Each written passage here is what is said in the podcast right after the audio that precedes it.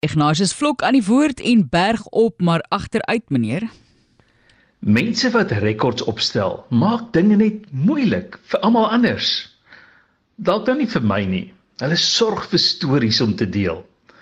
Maar dinge ruk later hand uit om beter te doen as die beste of vreemdste. Mense moet berge versit om uit te staan of berge klim. Dan moet jy vra Everest Ek is seker ek het sommer 'n paar mense se nommers op my foon wat al Everest op is. Kilimanjaro, die hoogste piek in Afrika. Ek sien kans daarvoor met 'n helikopter.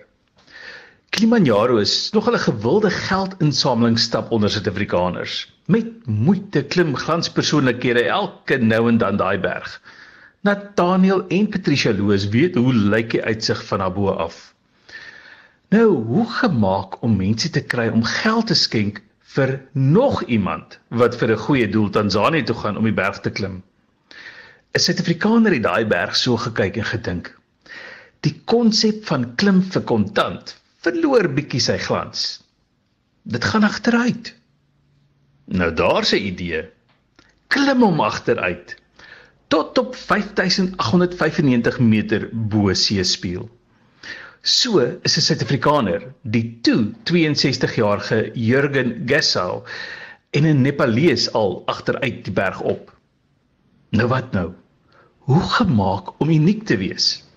Die 32-jarige Brit, Ben Stewart, het besluit mens doen nie dinge so half nie. Hy's in Trirad berg op en berg af. Hy het egter nie onvoorbereid Afrika toe gekom nie. Hy het geoefen om oor sy skouer te loer. Hy het met 'n spesiale toestel geoefen om sy nek te versterk om lank oor sy skouer te kyk.